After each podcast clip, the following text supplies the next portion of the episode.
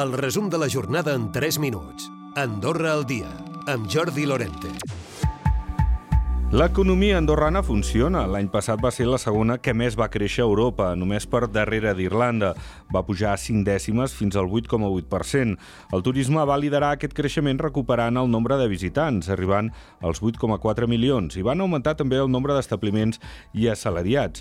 En el marc de la presentació d'aquest informe econòmic de la cambra, el cap de govern també ha avançat l'intenció prioritària de tirar endavant una llei de turisme, a banda de donar una empenta a la creació d'una agència tributària única.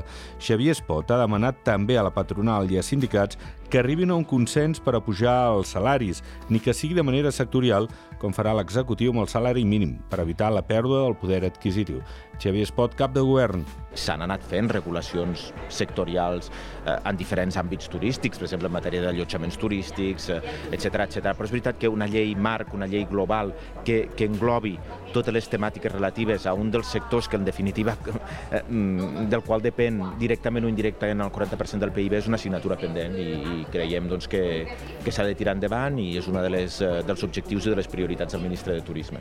Sobre aquest increment salarial, la ministra Marsol, que ha estat protagonista del primer programa del Fent Números, ha dit que el govern està treballant amb un increment del salari mínim que seria a partir de l'IPC més el 2%. També s'ha referit a aquesta taxa molt petita per gravar l'inversió estrangera en immobles que podria excloure la que es destini a fer pisos de lloguer assequible. Diu que s'està tancant aquesta proposta i que la setmana que ve ja en parlarà amb els grups parlamentaris. Francesc Camp deixa la política, no es presentarà a la reelecció cònsul major de Canilló a les pròximes comunals de final d'any. Ho ha confirmat a través de les xarxes socials, on ha reconegut el desgast que comporta la tasca política al capdavant del Comú Canillenc. En el mateix comunicat posa en valor els vuit anys previs com a ministre de Turisme i creu que ha arribat l'hora de buscar nous reptes fora de la política. I la solució amb la qual es treballa per encaixar l'avortament al coprincipat descarta la possibilitat d'avortar al país. Així ho ha assegurat el ministre de Relacions Internacionals, Ladislau Baró, al programa d'Andorra Televisió La Clau.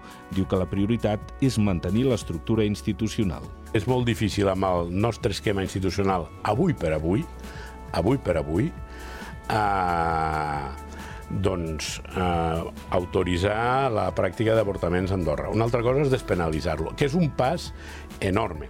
El desnonament dels dos germans d'edat avançada previst per aquest dimecres s'atura després que el Tribunal Constitucional hagi acceptat el recurs del seu advocat amb efectes suspensius. Què representa això per als afectats? En parla el seu advocat, Emili Campos. El que representa pels meus clients és que continuaran a l'habitatge de forma indefinida fins que resolgui el Tribunal Constitucional. La Creu Roja i UNICEF posen en marxa iniciatives per ajudar el Marroc després del terratrèmol del cap de setmana. Creu Roja obre comptes bancaris per a fer-hi donacions i UNICEF endega una campanya per recaptar recursos al Fons Global d'Emergències. Recupera el resum de la jornada cada dia a AndorraDifusió.d i a les plataformes de podcast.